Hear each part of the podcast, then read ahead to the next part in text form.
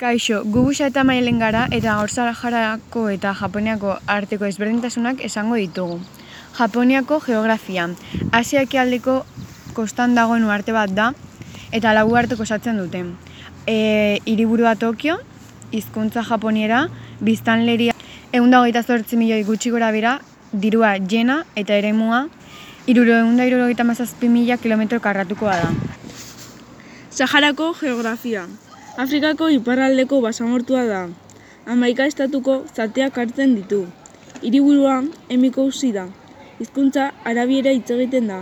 Biztanleria seireunda hogei mila gutxi gorabehera da. Dirua dirham da eta eremua betzi milioi kilometro karratukoa da. Saharako, Saharako kultura. Saharako gizarte tradizional gehienak bezala argi hierarkizatutako gizartea zen. Pertsona bakoitza tribu bateko kidea zen. Mendebaldeko Saharan bizi ziren tribu desberdinek hiru talde handitan bil daitezke. Japoniako kultura.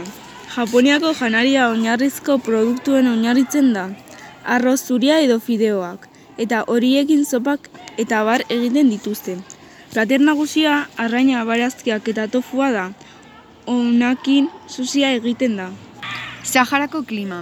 Sahara basamortu beroa da. Eguneko batazbesteko temperatura hogeita gradutik gorakoa da. Aldiz gauean asko jaisten da temperatura, neguan bat, batez ere.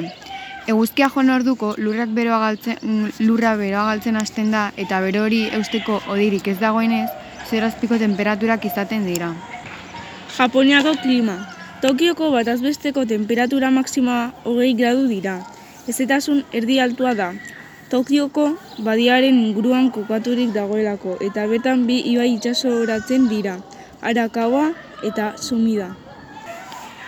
Eta honekin Sahara eta Japoneko desberdintasunen podcasta bukatutzat ematen dugu. Eskerrik asko zuen arretagatik.